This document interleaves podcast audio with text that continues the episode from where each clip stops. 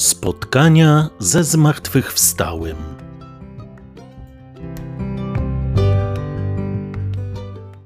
Środa 18 sierpnia. E, witajcie. Nasze rekolekcje, nasz rekolekcyjny czas w Laskowicach będzie upływał pod hasłem Spotkania ze zmartwychwstałym. Pragnę Was zachęcić do tego, abyśmy pośród tych naszych e, laskowickich rekolekcji po prostu szukali i znajdowali Pana Boga we wszystkim. Takie ignacjańskie hasło: szukać i znajdować Boga we wszystkim. E, o co chodzi? O to, abyśmy uczyli się uważności, dostrzegali Bożą obecność w tym wszystkim, co się wydarza wokół nas, w przestrzeni e, Laskowic czy poza Laskowicami, ale także abyśmy umieli się i uczyli dzielić tą radością, że dostrzegamy Pana. Umieli za to wielbić Pana, e, nie tylko w takich spotkaniach bezpośrednich na modlitwie, adoracji, mszy świętej, ale dostrzec Jego obecność, gdy rozmawiam z kimś ze wspólnoty, gdy otrzymałem telefon i coś mnie mocno poruszyło, gdy patrzę na dzieci, jak się bawią i widzę w tych okruchach dobra po prostu Bożą obecność. Zapraszam Was e, dzisiaj na to pierwsze spotkanie medytacyjne. E, rozpoczniemy od Ewangelii. E, zachęcam, aby sięgnąć do Ewangelii według świętego Mateusza, rozdział 20, wersety od pierwszego do szesnastego. Mateusz 21, 16. Są, jest to dzisiejsze czytanie z dnia, więc e, wybrzmi ono na pewno na liturgii, ale chciałbym Was bardzo serdecznie prosić o to, byście przeczytali ten tekst, nawet kilkukrotnie, z dużą uwagą, bo najważniejsze jest to, co Pan Bóg mówi do Ciebie a nie to, co jakoś podpowiadam ci w tak zwanych punktach w prowadzeniu. Gdy przeczytasz ten tekst, przypomnę Mateusz 20 rozdział, wersety od pierwszego do 16, niejako nauczysz się nawet tego tekstu na pamięć, to pozwól swojemu sercu na wyciszenie. Znajdź takie miejsce, taki obszar, gdzie przynajmniej przez kilka, kilkanaście minut, w najlepszym razie, jakoś nikt nie będzie tobie przeszkadzał, gdzie czujesz, że możesz się wyciszyć, e, być sam na sam z Panem Bogiem. Poproś wówczas też o łaskę rozpalenia Twojego serca przez Ducha Świętego. Bardzo zachęcam, aby też pomodlić się prostą modlitwą świętego Ignacego, brzmi ona tak, żeby, że wszystkie moje zamiary, decyzje i czyny były skierowane w sposób czysty do chwały i służby Jego boskiego majestatu. W tej medytacji może szczególnie też poproś o pokój dla swojego serca. Święty Ignacy bardzo zachęca, żebyśmy przeczytawszy dany fragment e, Słowa Bożego, też użyli naszych zmysłów, zaczynając od wyobraźni. Wyobraźmy sobie tę scenę. Wyobraźmy sobie, że Jezus przychodzi do nas, do naszej wspólnoty, siada pośrodku nas, widzi, jak dzieci się krzątają, hałasują, widzi nasze rodziny, może takie niedostrzegalne na pierwszy rzut oka mm, jakieś postawy, które między wami, małżonkami e, są jakim, jakąś oznaką na przykład napięcia, niezadowolenia. A Jezus po prostu to widzi, nie oceniając, siada obok, jest z nami, dzieli się tym, co przeżywa. E, opowiada słowa, które wybrzmiewają w tej przypowieści o Królestwie Niebieskim. I pomyśl, co ty wówczas czujesz.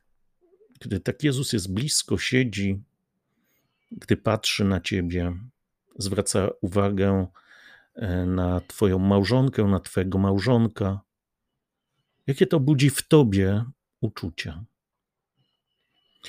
Jeśli tak trochę będziemy z tym obrazem, z tym wyobrażeniem, to zachęcam, abyśmy spróbowali e, wniknąć właśnie w to Słowo Boże, w tę przypowieść z 20 rozdziału Ewangelii Mateuszowej.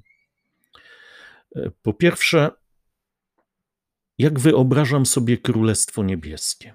Bo ta dzisiejsza przypowieść to jest taka ilustracja, którą Jezus daje, taki symbol, światło na to hasło Królestwo Niebieskie. Jak ja sobie wyobrażam Królestwo Niebieskie? Czym ono dla mnie jest?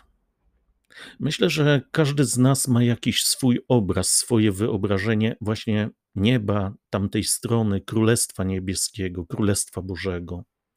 Jak sobie to wyobrażam? Czy to jest zielone pastwisko, czy po prostu jestem w pięknym ogrodzie? Pozwólmy nazwać to, co gdzieś tam w nas głęboko jest. Powiedzmy o tym, Panie Jezu, gdy myślę o Królestwie Niebieskim, to wyobrażam sobie to tak, tak i tak. Daj sobie czas, e, wniknij w te swoje mm, marzenia, wyobrażenia i o tym powiedz Jezusowi. I w ogóle, jak się czujesz, gdy mówisz, gdy myślisz o Królestwie Niebieskim? Ale też co czujesz, gdy Jezus Tobie dzisiaj mówi, że Królestwo Niebieskie podobne jest do gospodarza?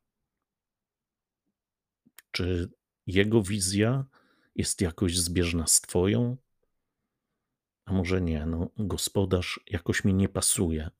Nie, nie pasuje. Pobądźmy z tymi Jezusowymi i naszymi wyobrażeniami. E, gdy tak jakoś będziemy schodzić w głąb siebie, to zachęcam, aby też e, uszczknąć ten tekst jeszcze z innej strony, to Słowo Boże jeszcze z innej strony. Zobaczyć Boga, który poszukuje człowieka. Słyszymy w tym fragmencie o tym, że ów gospodarz e, wychodzi ran, wczesnym rankiem, aby nająć robotników do swojej winnicy. E, zazwyczaj takie, powiedziałbym, stereotypowe mam mniemanie, że wydaje nam się, że to my poszukujemy Pana Boga. No bo przecież my idziemy do kościoła, ja teraz idę na modlitwę, że to ja robię ten pierwszy, drugi krok w stronę Pana Boga, że to my troszczymy się o to życie duchowe, o życie wiary, że to ja mam pełnić Jego wolę.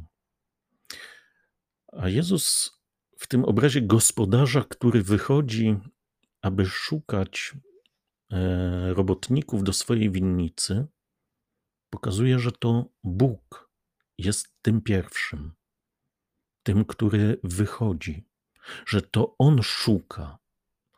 On wychodzi pierwszy na spotkanie, na modlitwę, na mszę to nie my wchodzimy do kaplicy.